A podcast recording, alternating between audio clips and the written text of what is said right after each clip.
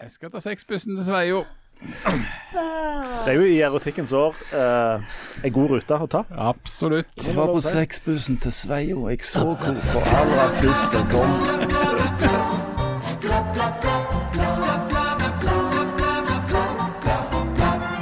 I Oslo driver politiet et slags potetløp med unge demonstranter fram og tilbake. Vi skal prøve å bli klokere på det. Vi skal òg prøve å finne ut hva som er fornuftig lengde på en fryseboks. Og hva vi skal bli når vi blir voksne. Vi må snakke litt om nordlys, og Janne vil snakke om humanistiske fag, eller språkforskning, som det vel egentlig er i praksis.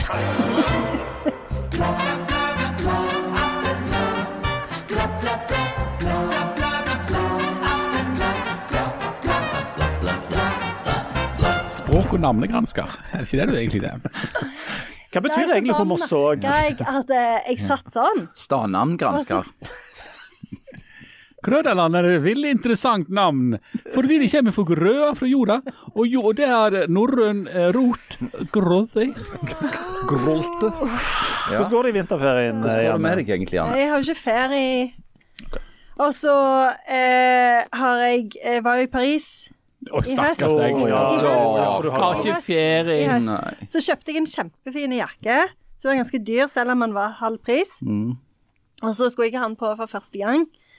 Og så har de ikke tatt av alarmen på den. Så det ser ut som du har stjålet den? Ja, eller Ja, det er akkurat det det ser ut som.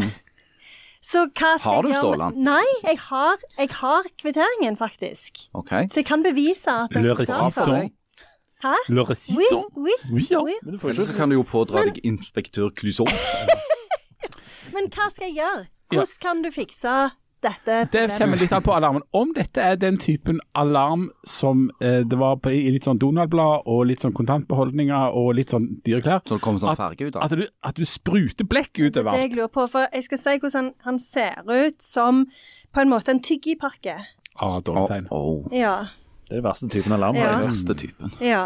Og det er jo, jeg ser jo for meg aktene som kommer til å oppstå når du da går ned på Rolfsen, som er søsterbutikken til den butikken Ja. du kjøpte i Paris. Og så sier du jeg eh, Jeg har en liten situasjon. Jeg, Ja, jeg har denne jakken med sånn teori, om dere kan hjelpe meg å ta av Ja, fordi fordi det som jeg kan fortelle, er at jeg allerede har tatt dette opp på høyre på kvadrat, og it didn't go down well, for å si det sånn. Neste strek er Rolfsen. Fordi at når, når, du, når du åpner denne, så sier du Du, jeg må bare presisere, jeg har ikke stjålet denne jakken, så tenker alle. Sånn som vi tenkte. Hm, ja vel. Hm. Alle samtaler som starter med at du har ikke stjålet denne, altså, men Nei. du, neste gang kommer du med fotlenker. Du, jeg lurer på hvordan jeg har ikke rømt fra fengsel eller noe, men om dere har noe sånt apparat til å ta av sånn fotlenke jeg er uskyldig dømt, altså. Men Ja, ja. eh, nå, Du, der ligger en død mann i bagasjerommet mitt. Jeg har ikke drept han eller noe. Altså, han bare lå der. Har dere noen slags metode dere på Felleskjøpet for å få Det hadde jeg faktisk klart å fikse sjøl. Hadde du det? Ja, det har jeg allerede en plan på. Dette hadde har du jeg gjort det? tenkt mye på sjøl. Ja. Men Hvordan hadde du gjort det hvis du hadde et lik i bagasjerommet? Nei, altså For det første så er det jo veldig viktig å så alltid kjøpe den der, investere i den der gummimatta når du kjøper en ny bil. plast. For da har du jo på en måte Ja, I tilfelle du skal frakte lik. Ja, Ja, ja. for eksempel en svær Mercedes SUV. ja. Ja. Ja, Da har du ei sånn ei gummimatte. du har det. Eh, det er jo òg veldig praktisk hvis du setter den bilen fast en plass. For da, hvis du... det er du og gjerne tre andre som er på den parkeringsplassen, sitter i bakse, eller liksom bak i bagasjerommet der for å prøve å vippe den bilen. Så, så jeg, dette er en tenkt situasjon, selvfølgelig. Men, Og da er òg en sånn matte veldig praktisk. Ja. Ja, for da ble det ikke så tilbake til ligget. Tilbake til ligget. Hva, i- Plassen er greit. Hva gjør du etterpå? Nei, altså, jeg skjærer den selvfølgelig opp. Ja. Eh, med en sånn black and decker. Det er et parteringsdrap. er så. Ja, ja, Ja. det er jo det. Men Gjør du det i bilen? Nei, nei, men det, bilen er jo for transport. Ja. Men jeg har jo tenkt eh, Hvor vil du skulle opp? Badekaret ha sprukt opp? Altså, hva vil være et bra Jeg tenkte at ute i skogen, jeg. Ja, ja. På en øde Og bare skogsvei. legge Ja, men er det ikke best å dumpe det i vann? Ja, men hvis du skal partere de. Ja, men du går på, på Dale der. På Ja, jeg, jeg, jeg røper ikke hvor, men jeg, jeg sier at det er ofte At du må finne, men at du må finne en plass der det er fralandsvind, det er ja, helt ja, det er veldig viktig. Mm. Fralandsvind? Ja. Ja. At det liksom at ikke ting blåser opp igjen. For tabben er jo at det blåser opp igjen på stranda. sant? Det er jo det veldig mange sånn drepere gjør feil. Ja, at det, at det plutselig dukker det opp igjen, akkurat når du har hevet det uti. Hele greiene begynner jo med at det der liket kommer inn på stranda. Når det skjer. Men er det, er det litt som sånn enn er- Er kroppsdeler litt som sånn surfebrett, at det legger seg oppå bølgen og surfer inn? Ja, Det gjør jo Det er det. det det er. Hele tida. Som jeg ikke vet Du må ha noe tungt, det har jeg tenkt. Du må ha, jeg er helt enig, du må Ja. ha plastikk i bilen, så må du ha noe tungt. Ja, for dette, de, i Japan og sånn så er det jo ofte litt sånn sement eh, Den har du òg. Ja. Um, der, er- Da er- trenger du ikke partere engang. Da kan du bare surre det. det som det hadde vært helt bare- perfekt, var at du, hvis du f.eks. kjente noen som hadde et krematorium. Det er sant, det.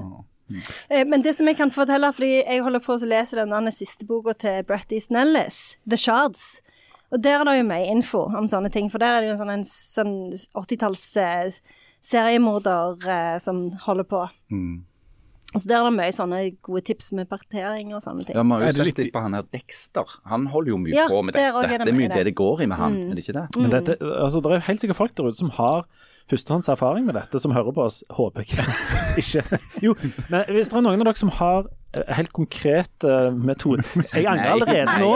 Nei, skal Vi går ikke ned den veien Nei, der. det som vil ha konkrete tips til, er hvordan kan jeg få vekk den alarmen? Ja, Ja, det, var, det- ja, det var det. For dette begynte med den alarmen. Og mange som har konkrete tips om det ene, har sikkert òg om det andre. Ok, og nå, nå må dere prøve å være litt disiplinerte der ute i, i de tusen hjem. Uh, mailadressen vår er bladblad.aftenblad.no. Vi vil gjerne ha så mange tips vi kan til hvordan gjerne kan få tatt vekk denne alarmen. Og så vil vi gjerne ha så få tips som mulig om hvordan du begår det perfekte mord og fjerner et lik. Ja, for det der med fralandsvind, det vet vi allerede. Alle vet Det alle vet det. Kan jeg bare sånn oppfølgingsspørsmål. Hvor på denne jakken er det denne greia er plassert? Du ser det ikke når jeg har den på, for han er, det er en sånn litt vid dressjakke. Og så han er, men han er, han er her liksom med hofta. Den er her med hofta, Ja, ja. På innsida liksom, eller liksom, utsida? Eh, er, på utsida så er eh, magnetdingsen, og så på innsida er Altså, selve så er det jo en alarm, sånn at hvis du har på den, den jakka på deg, da, sant? og så skal du Ja. på polet, si, Ja, ja. så går alarmen der. Eh, på flyplassen, alarmen går. Sant? Så du blir jo sånn alarm-Janne. ja, og jeg hadde jo tenkt å ha på meg denne i alle de situasjonene som du nevner. det var sikkert derfor du kjøpte den. Det var mye derfor jeg Mm. kjøpte den. Gå på polet og reise med fly. Ja. Ja, og det går ikke, og det går ikke an å gå rundt at den, den knappen som stikker ut av det, bare ser ut som en slags button med et uklart eller manglende Nei, du kan ikke se den. Så det, det jeg er mest bekymra for, er jo at det der som Harald Ja, sier, at at liksom du jeg skal sette alarmen hele tida. Så At må jeg forklare vekker- I bought it, Ja. this is the receipt. Sant. Det blir en sånn Så må du evig alltid ha med den kvitteringen. Ja. ja. Aldri gå uten den. Nei, og så får du alltid de der samme blikkene sånn Ja. Det er sikkert. Kvitteringen, ja. Ok. Om du, har, om du sparer på kvittering bare fordi at den er veldig dyr, så syns du det er litt stas. Jeg skal si hvorfor. fordi at jeg, eh, når jeg kom hjem, så hadde, hang jeg bare opp. Fordi jeg tenkte dette er en vårjakke, den trenger ikke jeg ta fram ennå. Så begynner, har det begynt å bli litt sånn vårlig. Det er en farlig tid nå. Ja, du tror det, det er jo vår- det. Ja, veldig Det er jo farlig det. Ja. Jeg, jeg vil si at det er uhyre kompliserte tid nå. For det er en blanding av bikkjekaldt og begynnende varme. Så Ja, er det. verden Snart dette med den jakken din igjen. Ja, jeg er allerede Ja. inne i det. For Ja. sånn som i dag, på vei ned her altså Jeg våkna i dag, da var det jo, hadde det vært kaldere enn noensinne. Da Mm, var det jo helt kvitt ut av rimfrost. Og nå skal jeg gå ned her, så tenkte jeg at det kommer til å bli vel så kaldt i dagene framover. Og jeg skal eh, på hytta og alt i hop, der er det beinkaldt. Så jeg tok på meg det varmeste. Så jeg, jeg var gjennomsvett da jeg var kommet fram. Ja, ja, ja, ja. For du er inne i, i den jakkeryggsvetteperioden Ja. som du strir med i alle Vår og fall en høst. gang i året. Vår og høst. Vår og høst, og- og stort sett er det jo bare vår og høst her vi bor. Ja. Altså det er mye, det er mye, mye Men svetting det på er ryggen av det. overgangen. Det er overgangen. Ja. Ja. Men brukte du, eh, brukte du denne, denne svettejakken når du var ute og så på nordlyset? For det var du vel, sånn som absolutt alle andre. Nei, jeg var ikke ute og så på nordlyset. Visste ikke du at det var nordlys? Jeg leste om det, det sto om det at folk var ute og så på nordlyset. Så var jeg eh, oppe, så var jeg bare så forsiktig ut sånn, så var det ingenting. Det var bare helt svart der Det ute. var det jeg òg gjorde. Og så gikk jeg inn og satte meg i sofaen igjen. Det var herlig. Fordi nå er vi, vi må ta en liten opptelling her. For vi er åpenbart tre veldig dårlige mennesker her. Og så er det muligens av alle Harald Birkevold som er det, gode mennesket. For du har jo vært i, nå i ei ukes isolasjon oppe i Sør-Troms, eller hvor det er du holder deg. Se her. Og nå viser altså Harald fram et Det er jo faktisk det nordlyset. fineste nordlysbildet jeg har sett av alle de én milliard nordlysbildene mm, som har vært ute på. Men det, det må vi legge ut på Instagram Ja, etterpå, sånn at folk kan få se det. Det er ikke bearbeidet. Du er veldig god til å ta bilder. Jeg er jækla god til å ta Mm, du er det. Og sjølskrøy, det skal du lytte til, for det kommer fra hjertet. Ja. han, Jan er bedre enn meg til å ta bilder av folk. Ja. Men hvis det ikke er folk Jeg, er jeg sliter jo med folk, som alle vet. Kan du er veldig flink, til å ta bilder er av natur. så kan, det, så kan det gå greit. Du har et veldig fint bilde med veldig mye nordlys på. Enormt. Um, og jeg var jo òg ute og kikket på, på nordlyset den ene dagen når det ikke var så mye. Og dagen etterpå så, så satt vi heller inne og så på fjernsyn, sånn som skikkelige folk gjør. Men Mm. det, eh, kunne du, så du det samme med øynene dine som du så gjennom Nei, det blir finere når du tar bilde av det. Ikke sant? Du ser mer av fargene. Ja. For eksempel så var det en stund at det så ut For det, altså, det er jo en fordel med å være langt oppe på fjellet når du ser nordlys, eller stjerner, sånn, for det er ikke noen konkurrerende lys. Så det, du ser det jo voldsomt klart. Men en stund så var det nordlyset nesten sånn melkeaktig, bare som en slags hinne. Men så plutselig så ble det grønt, og så var det rødt en liten stund, og så ble det grønt igjen. og så drev det og flytta på seg òg, sånn. Fram og tilbake. Men var dere, var dere inne på dette sosiale medier mens dette pågikk? Nei, jeg har ikke mobildekning der oppe. Nei. Nei, jeg orker ikke, for jeg var så bitter for jeg ikke klarte å se noe fra vinduet. Jækla nordlyset. Jeg, jeg blir bare sur på meg selv hver gang jeg åpner et sosialt medium. Eh, for jeg, jeg syns egentlig det er så enormt drit, og så åpner jeg det altfor mange ganger til dagen allikevel. Og så tenker jeg ja, Det føles akkurat som jeg åt en stor pakke med chips og en sånn stor pose med smågodt rett etterpå. Men, altså, det, men jeg tenker nordlys, når det er nordlys, eller en veldig fin solnedgang, eller noe sånt, så er jo sosiale medier på sitt beste på mange måter, for da er det helt ufarlig. Det består bare av en masse folk som har tatt bilder av noe de syns var fint, så legger de det ut, og så sier folk 'å, så fint'. Det, altså, det er iallfall ikke direkte skadelig. Ja, men det er jo veldig veldig kjedelig for ingen som hater Ja, men- hverandre. Men det skader ikke. Nettopp, ja. For skal- et lite sekund, et stakkars Så en liten Som et blaff gjennom lufta. Så er folk gre greie med hverandre på Facebook, og så er de tilbake igjen. Ja, for det, for det nordlyset jeg, jeg ble jo trøtt og lei etter ca. Ja, halvannet sekund. Ja, så du det? Jeg så på internett, Ja, på på, internett. på disse sosiale mediene. Men jeg òg tenkte det at dette truer ikke demokratiet. Men allikevel så øser jeg meg enormt opp over det. Og tenkte slutt nå å legge ut bilder av det nordlige. Jeg har sett Ja. 40 bilder av det. Og, og særlig kombinert med sånn snø og sånn. Ja, for jeg var allerede ganske sur pga. alle de der skibildene. Og i dag senest så lika jeg et bilde av ei mor og ei datter før jeg så at dette var For jeg har ikke likt noen skibilder, for de irriterer meg sånn. Eh, og så var det et bilde av en mor og barn som jeg lika. Så så jeg jo etterpå at det var en serie på ti bilder hvor alle de andre var skibilder. Så det følte jeg meg veldig lurt. Nettopp. nettopp. Nei, men så En ting jeg vil si, og, og det òg er relatert til sosiale medier og vær. De som skriver 'tiddelibom' for det at det snør. Etter revolusjonen, Gjerne under revolusjonen, for min del. I En tidlig fase. i veldig tidlig fase av revolusjonen, så vil de bli tatt hånd om på en veldig bestemt måte. Jeg tenker på idéstadiet til revolusjonen, at vi kan fjerne disse folkene, for vi vet jo hvem de er. Men vil de bli de er, fjerna de skriver under fullt navn. Men vil de bli fjerna før eller etter de som skriver 'Sometimes it's no in De vil bli tatt samtidig i, i en stor knipetangsmanøver. Nå Kan jeg håper jeg love. bitte litt at det, at det kommer snø i april, og da skal jeg legge ut min første post på sånn Facebook si julaften omtrent, og så skrive 'Sometimes it snows in April'. Tittel i bom. Og så med, sånn, og så med den der note-emojien. Ja, ja, ja. Den må du ha. Den. Oh, de folka der, altså. Men jeg merker jo at jeg blir sånn eh, den aller, Kanskje den aller dårligste versjonen av meg sjøl, som det heter i Kompani Lauritzen, Ja. når alle andre er, blir så enormt opptatt av én ting. Da har jeg fremdeles en sånn indre kjiping som skal være sånn anti det. For eksempel når når det var så mye Da blir du Jan. Ja, si, det er jo din indre Jan Sahl, dette. Så kommer til, uh, Min indre, Jan Sal. Eller djevelen, som noen nok Eller en ond ånd. Nei, men jeg, jeg blir sånn eh, eh, Når alle andre er opptatt av noe, så har jeg fremdeles noe i meg som skal være sånn eh, kranglevoren og si at ja, herlighet, er det noe, da? Samtidig, så hvis du går ut og ser på det der nordlyset, så er det jo så sinnssykt spektakulært. Altså Dette er jo ting som folk reiser land og strand for å se i Nord-Norge, og så kommer det der. Og så er det så spektakulært. Samtidig så sitter jeg inne og tenker jeg, herlighet, skjerp dere. Det finnes jo viktigere ting i verden. Jeg blir han der.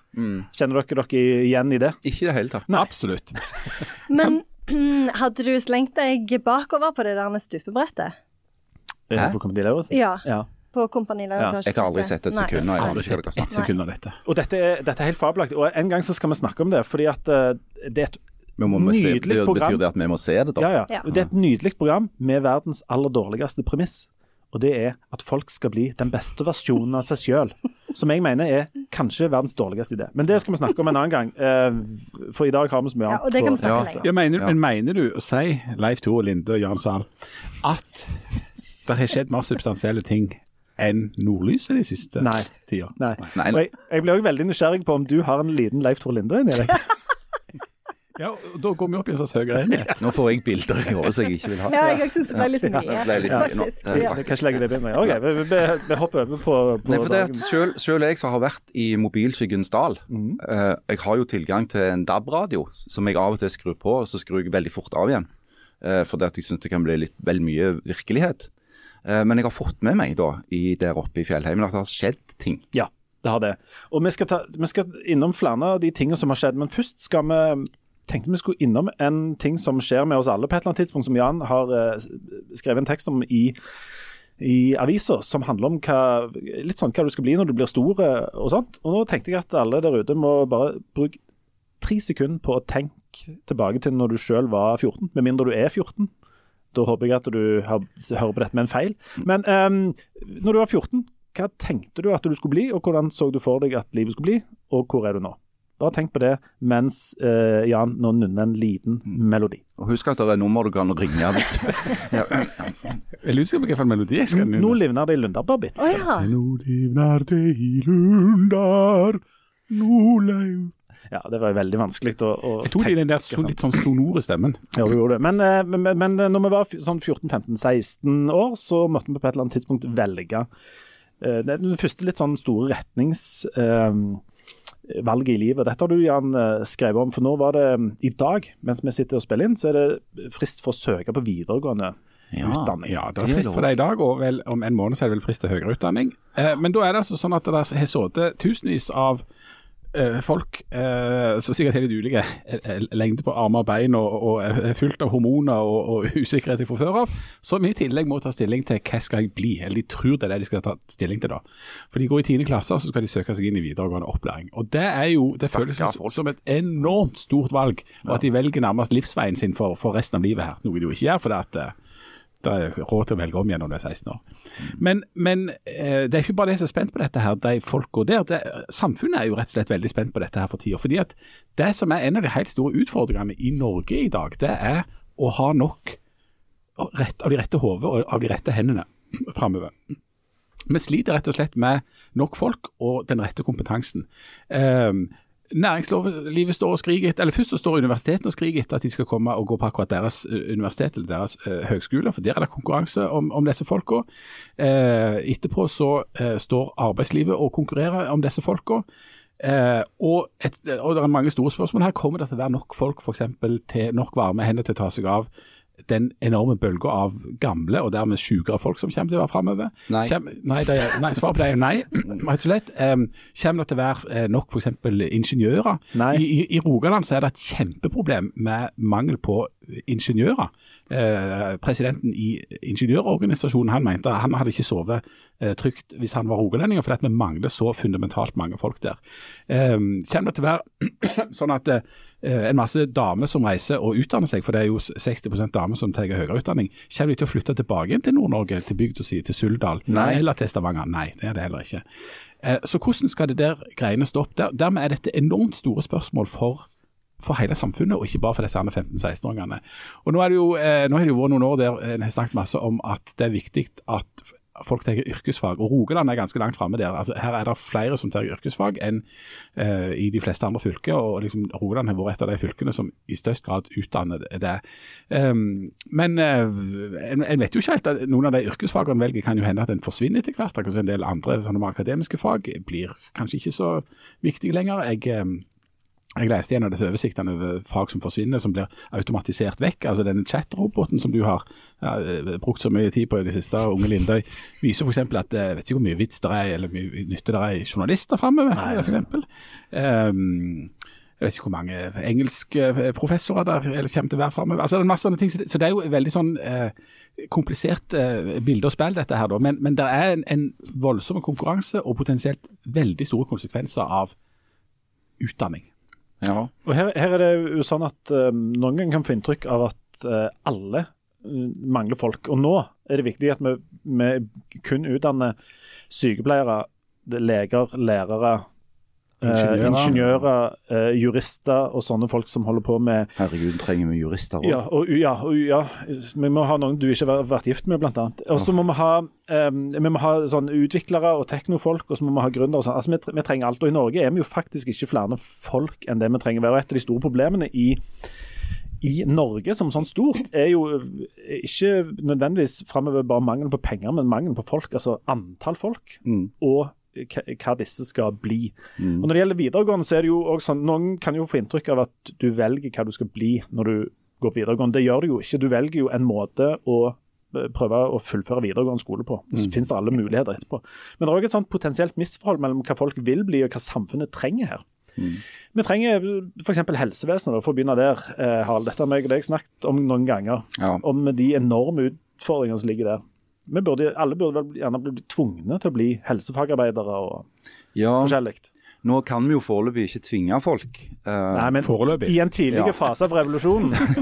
Så, men, men uh, det er klart det er en besnærende tanke. Uh, som vil bli tatt opp i øverste Sovjet. Men, men nei, altså, det går jo ikke an å tvinge folk. Du må jo lokke dem og lure dem og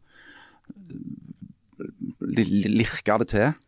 Eh, på en måte. Eh, og Det har jo ofte vært sånn at en har sett eh, altså Rogaland er jo et er jo et sted hvor altså, det alltid har vært veldig sånn, store sånn, konjunktursvingninger. Det har gått opp og ned med oljeprisen. ikke sant? Det var, så Der var det sild, og så var det ikke sild.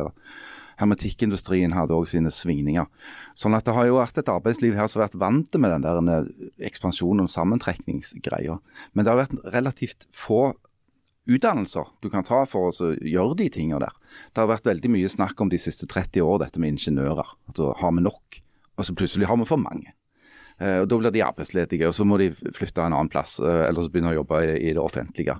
Og så når det blir gode tider i olja igjen, så slutter de i de offentlige stillingene. Og så begynner de å jobbe privat. Og sånn holder de på. Eh, men dette er jo problem som hele den vestlige verden strir med nå. Dette med lave fødselstall økende eldrebefolkning og eh, automatisering som gjør at mange jobber som før du kunne få eh, med relativt lite utdannelse, de forsvinner. De er borte vekk. så du, du ser jo sånn, sånn store befolkningsgrupper med lav utdanning som bor utenfor de store byene, som faller ned i et slags sånn prekariat. Frankrike er et ganske godt eksempel på det. Hvor du har avindustrialiserte soner som, som er mer eller mindre dør. Eh, og hvor alle stemmer på Front National. Eh, nå er det jo sånn at dette her er noe som vi kan sitte i et podkaststudio og pimre oss over sikkert både i år og neste år og i mange år framover. For jeg har ennå ikke sett noen tegn til eh, at de politiske nivået har tatt inn over seg dette alvoret, annet enn i den eh, perspektivmeldingen som kommer med jevne mellomrom. Det er stort sett bare der det blir snakket om. Ehm, men dette er jo en av de aller største utfordringene for hele den norske velferdsstaten. Og så er det jo sånn at i, de, i, dette feltet så er det noen sånne skyggeområder, og der jobber du gjerne. Yes. Fordi at vi, vi, vi, Disse diskusjonene handler veldig ofte om at vi må ha nok eh, fagarbeidere, rørleggere, elektrikere, snekkere og sånne ting. Helsefagarbeidere. Vi må ha nok eh, folk på sykehuset, og ingeniører og sånn næringslivsfolk, og ikke minst på teknologi. Um, og så finnes det jo en, helt, en hel verden av uh, humanistiske fag, ikke sant? Uh, som um, skal òg prøve å manøvrere seg. Altså, det, det er, og, og, samfunnsfag. Og samfunnsfag. Ute, ja. ja. Men altså, det som vi, når vi drev utdannet, kalte de kjekke tinga, mm. som havner litt sånn i, i offset her. Hvordan er ståa på, liksom, på, ditt felt, og hva, hva, er humanistiske fag? Humanistiske fag er jo språkforskning, språkforskning litteratur, historie, religion. Eh, og før var det jo sånn, når vi tok utdanning, så var det jo sånn at da valgte du et par fag. Det var ikke så nøye hva for noen, eller eh, hva om du kunne bli lærer, f.eks. Eh, og så hadde du plutselig en mastergrad, eller det som heter hovedfag, da. Mm. Men nå er det jo sånn at eh, de vil ikke eh, at Altså for det første så vil ikke eh, myndighetene egentlig at uh, folk skal kunne velge fritt, fordi at uh, hva blir du da? Uh, så det, de vil helst at hvis du skal ta humanistiske fag, så skal du ta fag, skal du ta en lektorutdanning, så det blir en slags embetsutdanning, at du velger fag som, som, passer inn i skoleverket. Da er det jo en del fag som forsvinner. Eh, som teatervitenskap, f.eks. Mm. Men så er det jo òg sånn at de fagene har uansett ikke vært spesielt populære den siste tida, fordi at det er ingen som er interessert i å studere sånne fag, fordi de ser ikke poenget med det. Og Denne uka var det en kjempeinteressant artikkel i The New Yorker hvor de skrev om eh, krisen i eh, de humanistiske fagene i engelsk, eh, eller i USA. Fordi at for eksempel så er det ingen som vil ta English major eller liksom hovedfag i master i, i engelsk litteratur lenger. Og delvis fordi at de de vil bli ingeniører, de vil bli jurister, de vil bli alle disse tingene hvor de har, eh, hvor de studerer fag som har noe med verden å gjøre, hvor det er statistikk involvert, og hvor du faktisk kan tjene penger. da. Eh, mens alle de tingene som de betrakter mer som hobbyer, det vil de ikke studere. Og der er jo litteratur et veldig sånn typisk eksempel.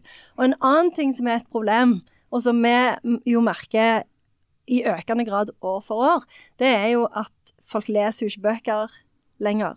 Og de intervjua jo en eh, sånn eh, professor ved et universitet i Arizona som sa at før leste han fem bøker i måneden, nå leser han kanskje ei. Mm. Um, Så du er altså professor i engelsk litteratur, og du skriver bøker? Jeg, synes, jeg, jeg kommer til å satse veldig på denne podkasten. Ja, vi, vi, er jo fire stykker her som har uh, da studert et slags utvalg av disse uh, kjekke fag og, og, og, litt sånn, som handler litt sånn i den unyttige skjemundene, og, og, håper at alle de andre blir helsefagarbeidere og sykepleiere og, og, noe nyttig. sant? Og, og vil appellere voldsomt til det for at samfunnet må gå framover, for at sånne som oss kan drive og flyte på en slags sånn toppflesk på dette her. Mm. Um, men eh, er det fornuftig at, vi, at folk kanskje ikke tar eller er så interessert i disse fagene lenger. Du som er, hva, hva er det du nå er utdanna i? Jeg er hovedfag i sammenlignende politikk. Nei, det er jo faktisk. det er mulig. Men jeg vet ikke om jeg har nevnt det før, men jeg har jo et mellomfag i spansk språk og latinamerikastudier, mm. pluss et grunnfag i engelsk. Ja, ja, ja. ja. Jeg, vil, jeg, vil, si det, du, altså, du har mye nyttig, men det der latinamerikastudiene ja, ja. dine, oh, det er samme. Jeg kan briljere der med situasjonen i uh, Sør-Amerika. Nei, altså, men, for jeg tenkte på det akkurat når Janne snakket. Uh, for Du sier at liksom, problemet er at ingen uh, vil eller at ingen vil dette, ikke var noe populært, og folk holder ikke på med det. Og så er spørsmålet ja, er det et problem da? Mm. Og, og Det mener jeg er et, et stort spørsmål. Det, men jeg syns òg det er litt sånn merkelig eh, å være representanter egentlig for litt av at det som tidsånden egentlig er helt imot. Mye av det vi holder på med, er det som ikke er populært. Det eneste vi gjør, egentlig, det eneste jeg føler jeg gjør, som er noenlunde populært, og som er liksom litt i tråd med tidsånden, det er å sitte i dette studioet og holde på med sånn podkast. Så podkast er inn, men det er jo til gjengjeld gratis. Mm. Sånn at det er noe folk får gratis. Eh, det, men, men ikke... Gratis er populært. Men, men, men altså, tidligere tid så var det jo eh, liksom kjempekult å, å, å, studere sånn litteratur og litt sånn, å, velge litt sånne fag og litt sånn språk, og det var litt sånn koselig og dette og, og, sånn avis, og bli journalist og skrive sånn papiravis. Å, fantastisk. Men alt dette her er jo helt helt ut For Det syns jeg er så interessant, for det står det òg om i denne New Yorker-artikkelen. For der drar de fram, kommer jo selvfølgelig trekkende med Pierre Bourdieu og liksom kulturell kapital. Og det er jo nettopp det òg, at du får ikke kulturell kapital engang av å liksom trekke fram at du har lest bøker. For det er ikke det. Og det syns jeg var veldig interessant. Det er jo en sånn ny serie eh, på Disney Pluss, eller hvor det er med han eh, setter noe sånn med Fleischmann. Fleischmann ja. Mm, ja. Ja, dere vet hva jeg mener. Ja. Sånn skilsmisseserie. Ja. Mm. Der er det jo hovedpersonen er lege. Og der ser du på Når han er eh, på sånne New York eh, dinner parties, så er folk liksom sånn De syns litt at han er litt sånn patetisk er lege, fordi han tjener ikke masse penger.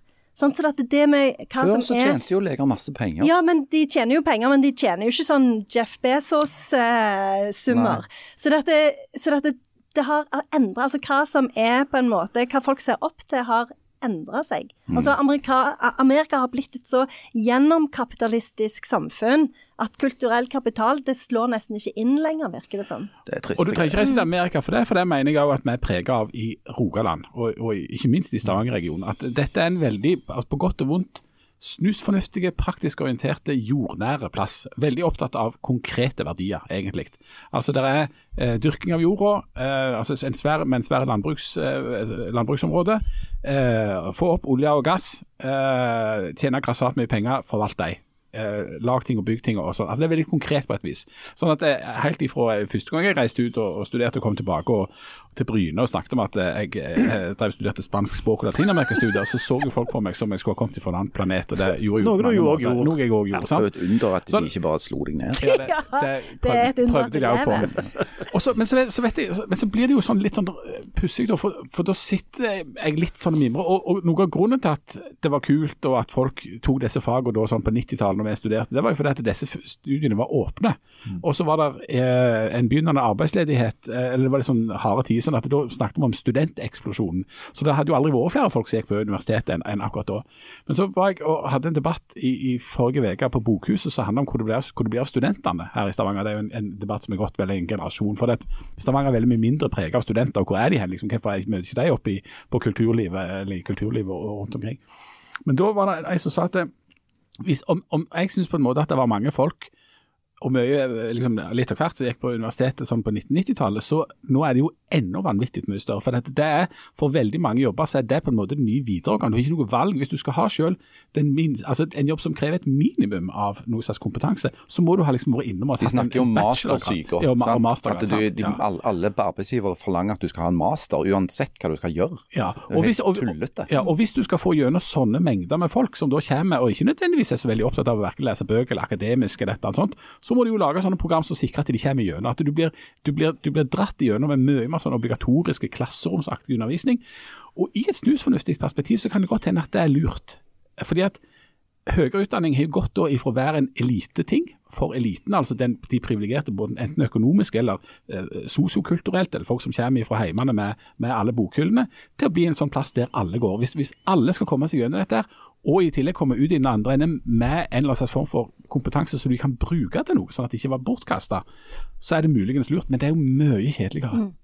Um, når dere var 15-16, da, hva, hva drømte dere om Eller hva, hva var, hadde dere en slags plan, eller hva drømte dere om Jeg ble bli? ødelagt av skolen, for det at når jeg var 14, kanskje, cirka, så var jeg sikker på at jeg var overbevist om at jeg skulle bli sånn naturvitenskapsmann. Og ikke sånn høyttravende, men jeg skulle, jeg skulle bli veldig flink til som geolog, eller som studerte fugler eller dyr, eller noe sånt. Zoolog, botaniker, ornitolog, et eller annet sånt. Uh, og så ble jeg ødelagt av skoleverket fordi jeg fikk beskjed om at jeg hadde så gode karakterer at jeg måtte bruke de til noe fornuftig. Det vil si det vanskeligste det fantes å komme inn på. Det måtte jeg ta. Og det var Akkurat da var det journalistikk. Så altså Takk skal dere ha. Sånn, sånn, sånn var det litt for meg òg. Altså, Det var sånn Uh, var litt sånn, ja, hvis, du ikke, hvis, du ikke, hvis du ikke var god nok til å komme inn på journalistikk, så kunne du i, i nødsfall da bli lege eller tannlege eller et eller annet sånt eh, rask. Mm. Men, men uh, Rakettforsker. ja. min, min, jeg tenkte òg at jeg skulle bli Jeg hadde en sånn tanke om at jeg skulle bli, bli lege, da. Helt til jeg innså at jeg ikke liker syke folk. Som ikke tåler blod. ja, Elendige plan. Janne, hva, hva drømte du om som sånn 16-åring? Jeg vet ikke om jeg drømte så mye, men jeg var veldig opptatt av aliens. Eh, og veldig Du skulle bli Altså filmen. Eh, og jeg syns jo at det virker blant annet altså sånn, Jeg følte jeg tok veldig mye sånn livsvisdom ut av den filmen, f.eks. det der med at du kan rømme gjennom sånn luftekanaler og sånn. Så jeg hadde tenkt å begynne på Er det en jobb? Ja, befalsskolen tenkte oh, jeg å begynne sånn, ja. på. Okay, Mm. ja. Så, så det, var, det var min drøm. Befalsskole, ja. Jan? Når jeg var 15, så klarte jeg etter en del strev å krangle meg fram til et kompromiss. For på Bryne som 15-16-åring var det jeg var mest opptatt av, var jo eh, heavy rock. Eh, altså, eller semi-heavy, eh, da. Bon Jovi og, sånt. Jeg spilte i band, eh, og det var det kjekkeste jeg vi- vi- visste. Så jeg klarte å krangle meg til at jeg skulle få lov å gå på musikklinja, men bare i to år. Og så skulle jeg etterpå ta vanlige videregående. Og så var det noen diskusjoner i heimen om hva jeg skulle gjøre etterpå. For der der var holdningen litt sånn at eh, ja, men du har så god karakter at du også må bruke dette til noe. Eh, mens jeg valgte, sånn som det virker som det ikke er rom for å gjøre lenger nå, ting jeg hadde lyst til. Så, og, og jeg visste aldri hva jeg skulle bli, og det visste jeg ikke. Jeg visste ikke hva jeg skulle bli når jeg hadde tatt det hovedfaget. Så jeg tok først det denne engelske uh, greia, som var litteratur og språk og sånt, syntes det var kjempekjekt. Det var så kjekt at jeg tenkte ja, jeg lærer meg spansk og, og, og, og tenker det. Ikke så kjekt, men jeg gjennomførte det jo. Og så tok jeg det nærmeste jeg kom noe snusfornuftig, var dette her med uh, hovedfaget sammenlignet med politikk. Men når vi satt der etterpå, så ante jeg jo ikke hva jeg skulle bli, eller hva? eller jeg, Men du har hvem fått det er. mye bruk for det kunne senere. jo, du det kunne er jo bare ta en politikk og sammenligne den med en annen politikk. Ja, men nå blir det over veldig lang tid, Ja, og litt sånn i sånn tjukke bøker. ja og det, det høres ikke akkurat ut som en jobb. sant? Altså, Du har Nei. den politikken, så har du den, Ja. og så sammenligner du de. Men det er jo nettopp det eh, som, som det står i den New Yorker-artikkelen, at det er ingen som syns sånne ting høres ut som en jobb lenger. Så det meste de kan ta, det er filosofi. Det har holdt seg eh, ganske bra. Filosofene. Fordi de tenker, fordi filosofi, da tenker de etikk, og etikk er noe som de er ganske opptatt av. Ja, for de er woke, vet du. Ja. Ja. Men, så, men, så det er men, det men du som jobber med dette, hvis du, skal være, hvis du skal ta et steg utenfor deg sjøl, er det viktig at folk studerer engelsk litteratur i Norge, f.eks.? Ja, jeg syns det er veldig viktig. Jeg syns uh, at um, den engelske eh, kulturen sin litteratur er viktig for alle å ta del i. Og jeg tenker liksom det er jo spesielt i vår tid hvor det er ja, sånn som dette med wokeness, liksom. Altså hvor, hvor kommer det fra? Og, og, og, og, hvor- oppsto det Altså det er så utrolig mye en kan lære om Altså når en leser litteratur, så lærer en jo om verden, men fra et annet perspektiv. Mm. Og det perspektivet får du ikke gjennom å høre på podkast eller å lese artikler fra New Yorker eller Times. Nei, du må lese bøkene, faktisk. Ja, men, men er det en jobb? Kan du, kan du jobbe det- med det etterpå? Ja, du kan jo bli lærer, Ja, bli og lære lærer, det til de neste ja. generasjonene. Men, men også Kan kan du du jo selvfølgelig Vi kan jobbe i forlag. Vi kan klippe hverandre. altså flytte til Oslo. Ja. Den mest, den mest konkrete og mest fornuftige måten å for eksempel ta i bruk ei sånn Shakespeare-bok på, for eksempel, det er jo å grave ei grøft med den boka. Ja, ja, ja, ja. Da får du liksom brukt den til noe. Men det er jo veldig interessant det der, for dette, det er jo det som er problemet. At det, hvordan skal du plutselig få Hvis det er For nå, nå har jo, det har jo også vært snakk om det mye i det siste, at eh, foreldre leser ikke for ungene sine. Og du kan ikke bare plutselig ta en 19-åring som aldri har lest ei bok før i hele sitt liv, og si vær så god, nå skal du lese Middelmarch. Nei. Sant? Så dette, det er jo et problem. Hva, hva skal engelskfaget bestå av? Og det Skal det bestå av tjukke bøker, eller må vi tenke Jeg annerledes? foreslår hefter Ja. ifra nå, men det er bare et innspill. Vi, vi må ta en liten pause uh, i dette. Vi ønsker alle som skal bli noe, lykke til. Mm. Lykke til. Ja, og, og når dere ikke blir noe Hva er det? Hvis du ikke ble, tidligere så var det sånn hvis du ikke ble noe, kunne du i hvert fall bli lærer. i nødsfall. Ja, Sånn er det heller ikke lenger. Nei, Kjempekomplisert. Vi ønsker alle lykke til, og så kommer Øyvind.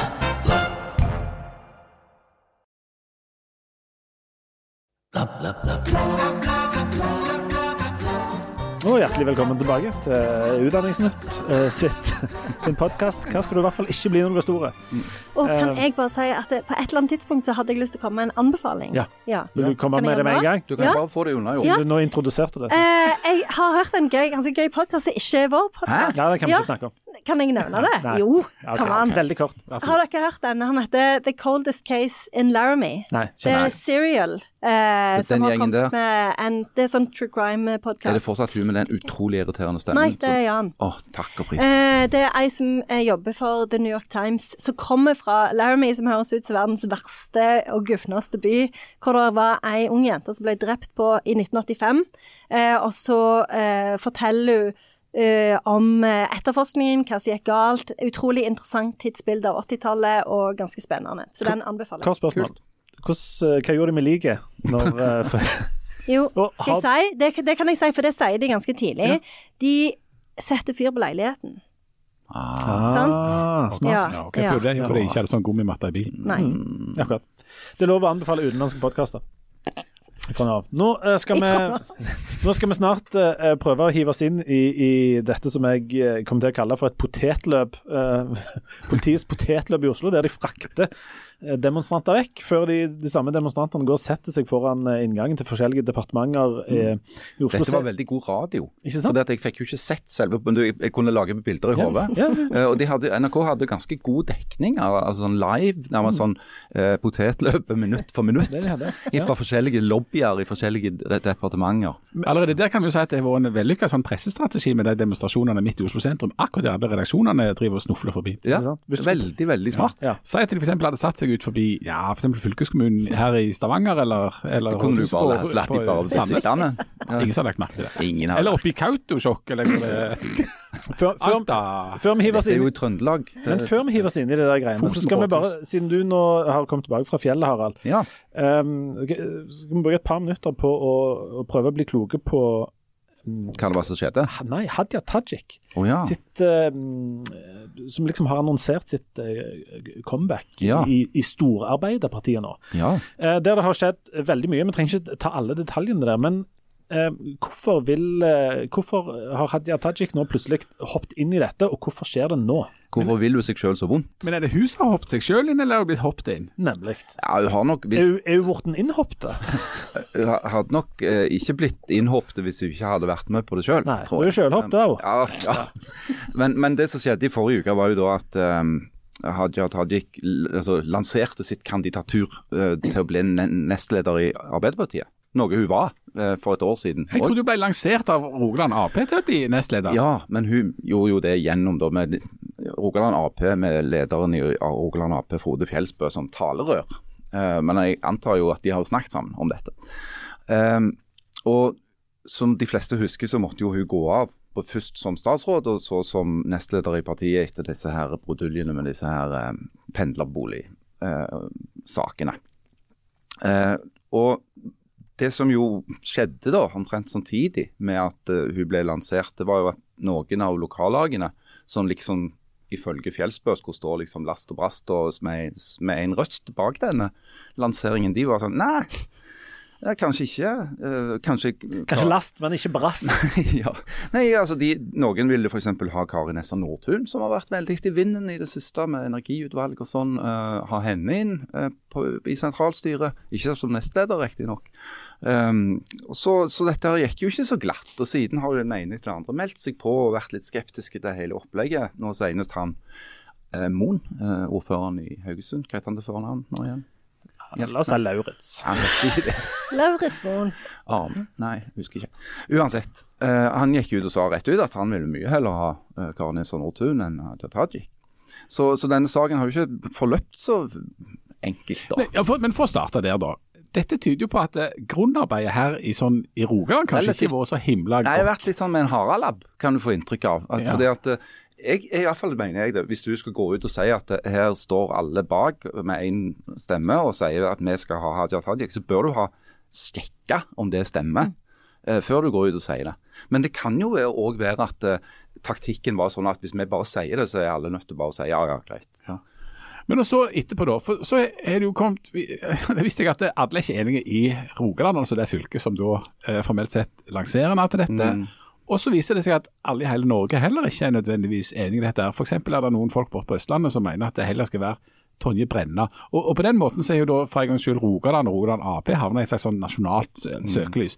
For plutselig så er det sånn at ja, det er et forslag borti fra Rogaland der, men ja, hva syns folk om det? Nei, sånn halvgodt. Ja, Men det kan, jo, det kan jo tenkes at de har, har tenkt som så at uh, de har jo hatt to. De hadde to nestledere fram til Hadia Tajik trakk seg. Siden har de bare hatt én, Bjørnar Skjæran fra Nordland.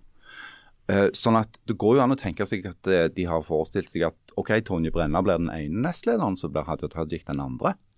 Eh, For det at Bjørnar Skjæran, som sikkert er et flott menneske på alle måter, er jo ikke akkurat noen profil for partiet. Det er ikke så vel, jeg tror ikke du kunne vist bilder av han til særlig mange folk som hadde kjent han igjen. Men samtidig så er jo grunnen til at han sitter der er fordi han er fra Nord-Norge, og fordi at Arbeiderpartiet sliter med det Enig i distriktsmessige. det. Og da eh, er det veldig få som sier at han bør de hive ut til fordel for to stykker som bor i Oslo. Ja, det har du helt rett i. Og det, så er det en annen ting som ligger bak her, en eller annen plass. Og det er eh, hvor lenge folk skal være i en fryseboks etter de har gjort eh, et eller annet som ikke var helt vellykket. Ja. Eh, for eksempel Så det er det en som spisser ørene da oppe i Trøndelag. Ja, fordi at de, de, eh, Arbeiderpartiet har, har jo gitt oss et svært godt eksempel på at eh, når du trør feil, så eh, skal du ut i fryseboksen en stund. Altså eh, Litt sånn action has eh, consequences-tenkning. Og Så er jo spørsmålet om hvor lenge du er der, om det finnes tilgivelse for enkelte ting. Mm. eh, Kanskje noen ting, men ikke andre ting. Og ikke minst, hvor lenge skal en sånn periode vare? For det, den saken til Hadia Tajik, der hun var litt usikker på hvor hun bodde i perioder, og sånn, den er jo på en måte ferdig nå. Hun, den, den er, den er sjekka, opplest vedtatt, hun har betalt det hun skulle betale. Ferdig. Um, og så er jo det dette har politikken sånn tillits, uh, Tillit er veldig viktig. Og hvor lenge skal du da være vekke? Um, og i. Rogaland, har de jo, I Rogaland har de jo da åpenbart vurdert dette annerledes enn de har i Oslo. Ja. For i Rogaland er en rogalending mer verdt enn en rogalending er i Oslo. Sånn er det vel. Sånn er det vel. Um, og Det er jo et uh, interessant spørsmål. Altså, Jonas Gahr Støre ble jo spurt ganske tidlig etter at uh, Hadia Tajik gikk av, om, om, dette om, om, Kan hun gjøre noe comeback? Så sier han jo omtrent sånn Ja, selvfølgelig kan hun det, men det er en tid for alt. og det er jo sikkert det som Og jeg vet jo at at Hadia Tajik har jo vært i tvil om hun skal orke å gå på en ny runde. For det, det livet som toppolitiker, og særlig kanskje i det partiet, er ganske krevende. Eh, det, er, er, sikkert en haug med andre jobber hun kunne fått som hadde vært mye mindre stress enn å prøve å gå på en runde til som nestleder i Ap. Særlig i et Ap som for tiden er i en form for eksistensiell krise. Så hun må jo være topp motivert. Eh, åpenbart. Men spørsmålet er jo om partiet er klar for noe nå. Når får vi svar på dette? På landsmøtet. Og det er litt ute i eh, Begynnelsen av mai. Begynnelsen av mai, ja. Mm. Uh, ja, nå får vi bare vente og se, for det, her, uh, det skjer jo ting hele tida her. Så Absolutt. det kan fort skje mer. Og når vi først var borte i, i Oslo der, så regner vi med at folk har sett disse bildene. Det er jo livesendinger nå av uh, politiets potetløp med demonstranter. Sameløp. Sameløp. ikke det er ikke lov å si. Nei. Oh, nei. Men Uh, og, og, for de som bare har sett bildene her, så kan vi gi en sånn kjempekort uh, innføring i dette. Altså, Utgangspunktet her ligger altså i Fosen, som er i Trøndelag. Ja. Um, der uh, står Norges største vindkraftanlegg, mener jeg. Mm. Mener det, det, på land. det er gigantisk. Ja, gigantisk. Og denne, dette handler om vindturbiner. For i oktober 2021 bestemte Høyesterett at dette anlegget bryter med urfolks sine rettigheter i dette området. Mm. Ehm, I hundrevis av år har samene brukt dette området til reindrift, og Høyesterett konkluderte med at det er Altså, Reindrift er en verna form for kulturutøvelse, og de mener at denne vindparken har vesentlig negativ effekt på reineiers mulighet for å utøve sin kultur på Fosen. Dette sa Høyesterett, og, ja. um, siden har, og da får jo da regjeringen beskjed om at uh, det, dette, kan, dette, er ikke bra, dette må dere gjøre noe med. Og siden har det vel ikke skjedd én puck. Som førte til at uh, ganske store mengder demonstranter, mm, de, veldig mange av de med samisk eh, klesplagg og slagord og sånt, eh, rett og slett har lenka seg fast i og ut forbi Det er jo en ny Alta-aksjon, Ja, det er akkurat det det er. Der, den gangen var jo tematikken det samme. Altså Er dette naturinngrepet, så av demningen og, og, og, tørrleggingen av Altavassdraget, eh, er det et eh, overgrep mot uh, urbefolkningen i Finnmark? Eh, den saken ble tapt. Og jeg må innrømme at når jeg tenkte eh, eller jeg må innrømme at jeg tenkte i begynnelsen da ok, Fosen-dommen kom fra Høyesterett, så er det sånn ja, men. Altså, pengene rår. Eh, og de, NVE har jo investert enorme beløp i dette her anlegget. Statkraft. Nei, Statkraft, unnskyld. Eh, så, og Det står nå der. Sant? Det skal mye til å få det omgjort, i, i, og med at det er så sterke krefter så, i sving. Og, og, Det er kanskje litt det regjeringen med, med energiminister Aasland i spissen òg har tenkt. At det, ja ja, men så vi må kunne klare å få til et kompromiss her på en eller annen måte. Men så viser jeg at kompromissviljen ikke er så stor, da. For her er det snakk om to ting som står ganske hardt mot hverandre. Det ene er et sånn enormt behov for kraft. Altså dette, mm. dette anlegget uh, tilsvarer skal vi se, 170 000 norske husstander. Strøm til 170 000. Trondheims befolkning. Trondheims, det, det, er digert. Ja. Og i andre enden står jo det, det som de som vil karikere dette, noen tusen kilo reinkjøtt. Ja, altså det, det, er eh, seks familier, 32 ja. eh, reineiere, rundt 1800 rein. altså det er cirka, også, også det koster 6 milliarder å sette opp dette. Så prisen per reinsdyr er ca. 3 millioner. Ja. Men det disse folka har på sin side, er jo eh, loven. Ja. Og den, vi er jo, vi er jo, altså Lov er ganske stilig, og mange ganger så liker vi jo liksom forholde oss til loven og forskjellig. Og, og Norge liker jo godt å, liksom være, sitte i sikkerhetsrådet i FN og, og, og, sitte der og snakke om kvinner som minoriteters rettigheter og urfolks urfolk rettigheter. Urfolk i andre land. Og ja, i andre land. Ja. Men så er det sånn å pokker, vi har visst noen urfolk her òg. Ja. Skal vi må ta hensyn til de, da? Veldig irriterende. Eh, ja, det er ekstremt irriterende. For de, de, har lyst til å være, sitte og uh, være moralsk overlegne overfor for eh, Brasil sin regjering, f.eks., eller eh, regjeringen i eh, Indonesia. men nå er det liksom de sjøl. Og da er det liksom Nei, nei, men det var så alvorlig var det nå ikke meint, altså. Tross men, alt. Men samtidig er det jo da ekte vanskelig. Ja. Dette er jo ikke enkelt i det hele tatt. Det er vanskelig. Og, og, og, noe av det som gjør det vanskelig, er f.eks. da at en hel del eh, ordførere og, og, folk fra liksom nord for eh, Fosen har meldt seg på. Altså, det vil si noen, altså, de meldt seg på på litt ulike vis. Altså, ordføreren i Tromsø han har jo sagt at de må bare rive alle disse herrene, eh, vindmøllene. og fått litt kjeft for det. Som da koster ca. 6 milliarder kroner, før du begynner med sånn erstatning til de selskapene som har bygd det. Men, men f.eks. ordføreren fra Porsanger i Finnmark, som òg er fra Ap, eh, sier at hvis dette skjer, så vil det i praksis være umulig å bygge ut omtrent kraftnett i hele halve Finnmark eller Nord-Norge. Og, og Jf. det vi snakket om tidligere, problemet oppe i Nord-Norge der er en avfolkning og en mangel på arbeidsplasser. En mangel på rett og slett energi for å kunne lage arbeidsplasser og drive og leve der oppe. Sånn at hvis, Det, det handler ikke bare om, om, den, om Fosen og om strøm til, til, til Trondheim, det handler om hele mer eller mindre eh, Finnmark og Nord-Norge. Når vi har vedtatt denne loven vi har ikke vedtatt den. Det, er ikke vi som vedtatt den, det er en FN-resolusjon. Jo, jo, men vi har jo tiltrådt Hva heter det? det er ratifisert den. Ja, ja. Uh, og den gjelder.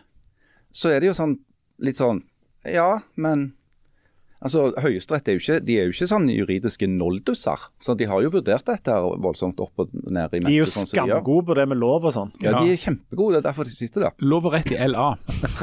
Men det er sånn at det, det, regjeringen prøver å gjøre nå, er at de prøver å komme, finne på hvordan kan vi komme oss unna det. De kan jo f.eks. kaste penger på problemet og tilby noen voldsomme erstatninger eller noe sånt, kanskje. Ja, men, det, kommer de seg unna dommen? Men, nei, eh, altså Fram til nå så har jo, har jo regjeringa prøvd å gjøre det som de har vist seg å være ganske gode på, nemlig å satse på å gjøre ingenting.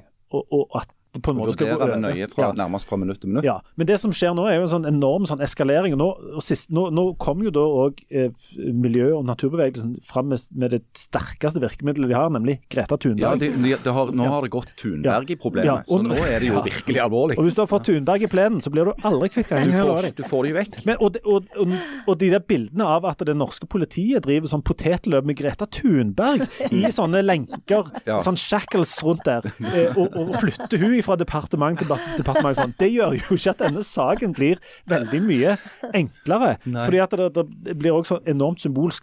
og Det samme skjer jo med disse um, Alta-bildene, altså ifra både de og liksom hele denne fornorskingshistorikken som Norge har med, mm. med den samiske befolkningen. Sånn. Det mm. er potensielt ekstremt betent. Men så er det jo òg det der med at dette er miljøvennlig kraft. For det var jo noen som var sånn ja, men hvorfor er Greta Thunberg her, hun kjemper jo for miljøet. Men så er det jo at Greta Thunberg kjemper ikke bare for miljøet, men hun er òg mot utnytting av uh, urfolk sine ja, rettigheter. Ja, hun har òg sagt at hun, etter hennes mening så er ikke den type vindkraftanlegg uh, spesielt miljøvennlige. Uh, altså Du prøver å se miljø, natur og klima under ett. så er jo det snakk om enorme naturinngrep. alle som har sett en stor vindpark som de kaller det, eller som egentlig er et industrianlegg, ser jo hva det, hva det er snakk om. Det er massivt. Men si da at det skulle ende med at eh, de bare må rive av driten fordi at de må følge loven. En, en, annen ting er forresten at disse reinsdyrene er jo ikke på beite der hvert år, det er sånn hvert vet ikke, fjerde-femte år. Ja, sånt. Ja. Det er sånn, da er de noen måneder akkurat der. Det, ja. Men, men si at de, skulle, at de river det, og at dette får konsekvenser for hvordan en tenker rundt natur eh, og, og, urfolks rettigheter i liksom hele Norge nord for der igjen. da. Mm. Det vi virkelig da ikke har løst, det er energiproblemet. Stemmer det. Som vi sliter litt med før. Det har jo vært sånn. flere forsøk, òg fra naturvernbevegelsen, eh, på å bruke loven. For så var det jo et stort saksanlegg mot eh, AS Norge der det ble hevda at bare det å fortsette eh, olje- og gassutvinning er et brudd på våre internasjonale forpliktelser, og egentlig et brudd på Grunnloven. Eh, fordi at det, eh, det, går ikke an, sier de, å si at ja, men, ja klima er vår tids viktigste sak, ja, ja, men fortsatt bånn gass på olje. Eh, det er rett og slett så umoralsk at det er forbudt, hevder de. Men den, den saken tapte de. Eh, men det er ikke sikkert at de taper den neste. Og så er Det jo sånn at det er jo litt sånn politisk kilent, fordi at alle partier har jo vært med på å vedta dette. her. Sant? Og de har til og med vedtatt det imot egentlig Statkraft sin vilje. For utgangspunktet så mente ikke Statkraft at dette var lønnsomt. Men eh, om de har vært blå eller blå, blå eller blå-grønn eller rød eller rød-grønne, alle i hop har vedtatt eh, at dette her skal gjennomføres. Så derfor er det jo litt sånn eh, jeg vet ikke om vi skal si koselig når noen nå da gjør seg voldsomt høye og mørke, altså SV. Eh, og at liksom nå liksom, slår gjennom Har SV vært høye og mørke? Ja, ja sant. Oh, ja. Lars Haltbrekken nå, men det var de som hadde vel eh, miljøministeren eh, tre stykk mens dette ble utarbeida. Mm. Utidig å påpeke det. Du, den, denne, denne, saken um, som ikke, ikke liksom kraftdelen av den, men det med, med reindriften og samene og sånn, fikk meg til å sitte og tenke litt i går på at um, Jeg tror kanskje jeg vet mer om sånn behandling av urfolk, både i gamle dager og liksom i, i, altså nå, i f.eks. USA og Australia, sånt, enn jeg faktisk vet om samer. Noe som jeg egentlig syns er litt flaut. Um, men jeg, jeg, føler av en eller annen grunn at jeg har mer innsikt i problematikken fra de landene enn jeg har fra Norge. Janne, hvorfor er det, er det, populærkulturen som har gjort at F.eks. Altså, uh, urbefolkningen i, i, USA Jeg tror jeg har sett bare de siste par åra fem, seks, syv TV-serier om det. Mm. Og sånn så, Når du ser på The Last of Us, eksempel, så skjønner en jo Det er jo sånn kort I den ene episoden så er det sånn kort glimt av bøfler som står og gresser. Det skjønner du med en gang. Ja. Den politiske implikasjonen av. Mm. Men, men er, det, er, det, populærkulturen som har, har smøget inn at jeg tenker at jeg vet mer om, om urbefolkning i andre land enn Norge? Jeg vil jo tro at det er populærkulturen. fordi at det, vi er jo alle underlagt den amerikanske kulturen, enten vi vil eller ei. Men så kan det jo òg være at det er litt sånn at det er litt vondt å tenke på det som er nærme. Eh, at det er gjerne ikke noe som vi egentlig har lyst Det er jo veldig lett å bli i harnisk over behandlingen av urinnvånere i USA, f.eks., enn det er å, og, skjems av vår egen behandling av samer opp igjennom. Samtidig så mener jeg jo at eh, urbefolkningen og liksom samer har nå slått voldsomt gjennom i populærkulturen de siste årene. Eh, altså Alt ifra på en måte Keiko og, og, og Jaskabena i sin tid. Og, det er veldig mye og, eh, eh, MGP. Og MGP og alt sånt. Og, og, det er jo en sånn herlige, om det er kunsten eller livet som inviterer hva for noe, at hun eh, så er fire navnene som jeg har glemt. Hva heter hun? Hetta Ella Marie, Ella Marie Hetta Isaksen. Ja, hun spiller altså i en film som nå går på kino som handler om Alta-aksjonen. Der spiller hun en aksjonist. Mm, la Elva leve. Ja, som skuespiller. Og så Oi, der er jammen meg nede i Oslo der, og er aktivist, men da som seg sjøl. Mm. Eh, på noe som til forveksling ligner på det.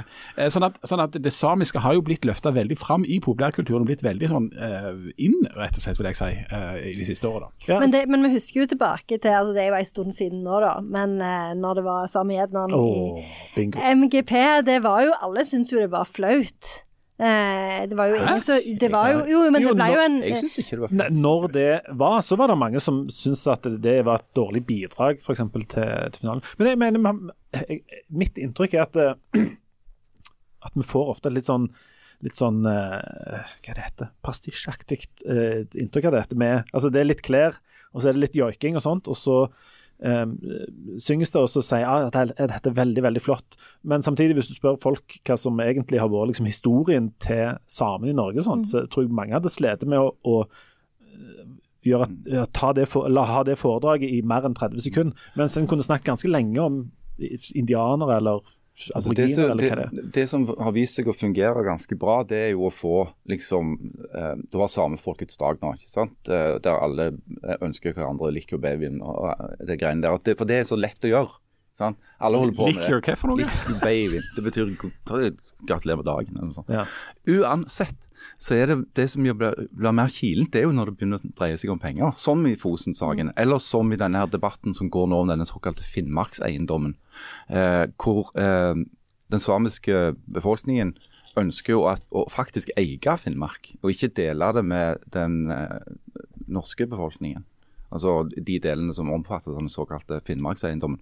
Og da blir det jo alvor. Sant? For dette, da handler det om hvem som skal ha rettighetene til utnytte naturen, til jakt og fiske, til bærhenting, alle disse tingene her. Eh, og da er, da er, det ikke så lett å være eh, veldig sånn politisk korrekt. Men, men, men, det er jo mer komplisert enn som så, for du sier den samiske befolkningen. Den samiske befolkningen er jo òg forskjellige arter. Det er jo et, et bitte lite mindretall av den samiske befolkningen som er reindriftssamer. Ja, ja, eh, og, det, er, og det har jo vært veldig mye diskusjoner og, og, og krangler i Finnmark mellom mm. ulike grupper samer. Ja, ja, ja. Sånn at det er, det er, komplisert på absolutt alle nivåer. Enormt mange nivåer. Nå så er det dette det aller vanskeligste av alt, nemlig at um, Norge er avhengig av å kunne balansere en del sånne forhold opp mot hverandre. Altså Det er litt sånn, det er nesten en sånn parallell på Jæren. Om, om Jæren skal være til sånn postkortpynt og eie annen gulrot og sånt, og ikke røre noe jord, eller om en skal kunne bygge industri der eller sånt. Altså Det er sånne type konflikter finnes der eh, finnes det overalt. Man kan bygge enormt med industri på Jæren. Bare du ikke bygger den på matjord. Ja. Og vi, vi kan, og, det er så mye utmark på Jæren at du aner ikke. Og nå, nå, har jo jeg vært eh, Jeg har ikke vært veldig mye fra Trondheim og nordover, men jeg har inn, og dette er bare mitt inntrykk, at der òg er det enkelte flater som er, står ledige, der det er skog og fjell og sånne ting. Og, men her har de altså klart å bygge disse turbinene midt i, i, i dette her området her. Det virker ja, altså, jeg, jeg, har jo sett eksempler der det er jo flere prosjekter som er altså på tegnebrettet når det gjelder vind, vindindustri.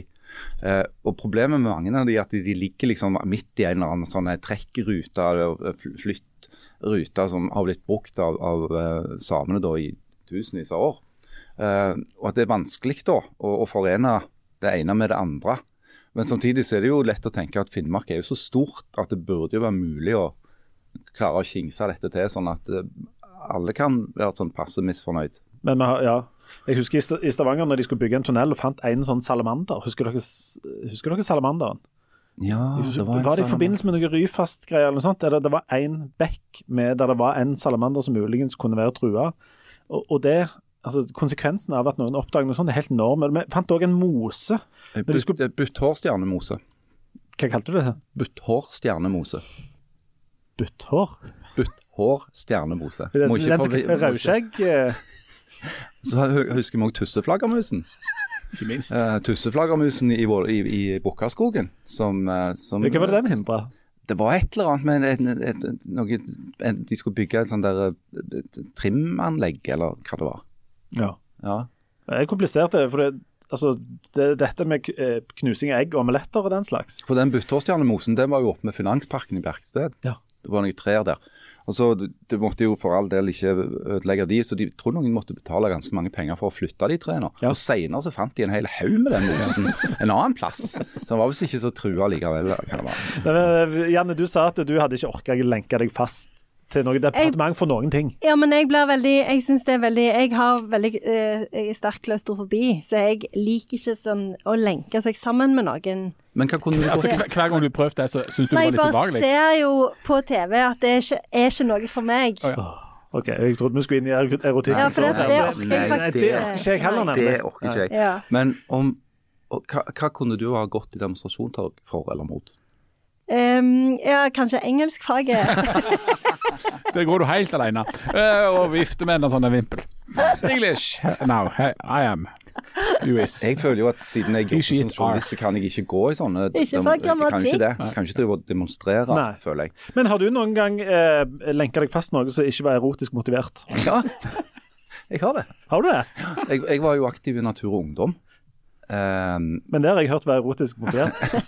Nei, ikke så. Uh, og da var det jo aksjoner knytta til utslippene av, um, fra dette Titania-anlegget nede i Jøssingfjord. Uh, hvor, hvor, dette slam, gruveslam gikk rett i fjorden der og, og førte til en lokale miljøkatastrofe. Så der var jeg med og demonstrerte mot uh, utskipingsanlegget til Titania. og ble jo da òg var sånn sekkaløp og, greier. Ja, Jan, har du vært uh, uerotisk uh, fastlenking til forskjellig utstyr eller folk? Sist gang jeg eh, demonstrerte mot noe, var i ren egeninteresse mens jeg hadde mine gylne år. Det var en fantastisk tid på Universitetet i Bergen, der jeg bare studerte ting jeg hadde lyst til å studere. Og da kom Gudmund Hernes, som var eh, utdanningssjef, og sa at vi fikk mindre i stipend. Så da Hernes gikk vi ut og skreik 'Hernes må fjernes'. Mm. Og jeg tok av meg alle klærne og opptrådte i kun en plastpose, så litt erotisk ble det. Er det sant? Yep. Fins det bilder? Jepp. Kan vi få se dem? Jeg vet ikke, jeg, nå skal vi hyttetur, så jeg får ikke tak i det nå, men en vakker dag så skal jeg finne det bildet. Men jeg gikk faktisk i demonstrasjonstog mot invasjonen i Irak i 2003. Du var mot den òg, ja? Jeg var mot den, ja. Jeg var mot den, for jeg mente at Det det ikke var lagt fram bevis på at de hadde masseødeleggelsesvåpen. Mm. Og nå sitter du her med skjegget i postkassen? Nei, for de hadde ikke det. Nei, ikke så krangel. Du da, lektoret? De sa at det var den største demonstrasjonen som har vært i Stavanger. Ser du det? Mm. Men du blir med når jeg skal Bortsett fra kanskje den når de skulle innføre alkoholforbud. Den var visst òg ganske stor. Ja, den er jeg med på. Der, der var jeg. men, ja, men, men, har du aldri demonstrert for deg noen, no, noen eh, ting? Jeg har, uh, jeg har vært med på noen sånne markeringer, men det var litt sånn åpne dørers markering. sånn Nei til krig i verden, eller Ukraina, eller uh, um, sånne ting. Men For eller mot? Ukraina. var for? Uh, var det en mot òg? Jeg husker, husker NRK intervjua noen sånne uh, folk som gikk i et sånt demonstrasjonstog der de traff to unge jenter, så spurte de hvorfor er dere her. Nei, det er fordi at uh, vi demonstrerer for rasisme. det er en modig valg. Ja, ikke sant? Ja. Litt modig valg. Litt av et For tog. krig og rasisme. Ja. Nei, jeg tror ikke men, eh, men jeg, er villig, jeg er villig nå til å lenke meg fast til min egen datamaskin for å hindre mer nordlys. Drittlei av det nordlyset. Ja, men skal ikke vi legge ut det fine bildet som jeg tok? Jo, det? Jo, og det skal vi. Ja, og ingen må, må gå inn og like eller noe på det bildet. Det, det, Jo, I så fall jo. må de bare leke ironisk. ja. Ja, det var det. Nå kom jeg på jeg skulle fortelle før denne podkasten var slutt, at jeg traff en lytter. Ja, ja. Jeg var jo helt alene for meg sjøl på hytta. Uh, og plutselig så kom der uh, Kan en lytter? kom der en, ei dame gående fra en, midt- annen- en annen hytte. Midt oppå fjellet, liksom. Vent litt. Ja, hun, hun var på den hytta sammen med noen Er dette erotisk motivert? Nei, nei, på ingen måte. Og Hun kom bare innom for å si hei, siden de hadde leid en støl der, og så Hadde kjettinger på? Nei. Og så sa hun at plutselig sa hun, du jobber du i Aftenbladet? Altså, ja, ja, for det at hun eh, pendler jo under Ryfast. Fast takst å høre på den. Ja. Skal hilse. Hilse. Du hilser at du Ja, Så hilse til hun hun. likte best? Ja, hun likte best eh, deg, da. Selvfølgelig. Du var hennes store favoritt, Bra. Janne. Vi sa det? Nei, hun sa ikke det, men jeg synes, du, du trengte sikkert å høre det. pga. av dette med engelskfaget og alt dette her. Det er litt tungt, faktisk. Er det det? Ja, for jeg vet ikke hvordan jeg skal få, få den podkasten til å bli fulldagsjobben min. Mm. ja, sånn, ja. Ja. Ja, og så er det dette med at du stadig Må vi spille inn hver dag, da? Oi, oi, oi. Du vil jo alltid at en skal ha hele sendinga på engelsk. Og I can English, I. I am a bag. Ja. Så da kan vi prøve å si ha det. Så, så, så, ja. Ja. I am a bag. ja, det er vanlig. OK, I think we have come I think we have come to the ends road. Uh, Legger ned engelskfaget. Og ingen leser bøker, så kommer du til å bli sånn bag lady. I am a bag. I am a bag. we have come to the ends road uh, with the angle to, with this podcast today. Uh, I would- I English fag. What, what is you? Hello. I would like to thank my mothers and brothers for supporting me in this uh, time. Um, we snakes in the weeks. Yes. Uh, See you in springtime. See you in springtime. Ser deg i gymtimer. Hva var det med april? Jeg velger meg april. Sometimes it's not in April. Å nei ja. Ha det. Ha det. My Peggy. Er det sant? Peggy. My Peggy og Gunn Ristad. Og så har du den der Det er frisk. friskt. well, hello. Nei, det er ikke Peggy Lou. Peggy. Lou. Hello, Peggy Lou. I keep a heart, sweet Peggy Lou. I'm so in love with you. I knew Peggy Lou. We'd never part. Hello, Peggy Lou. I keep a heart. Jesus.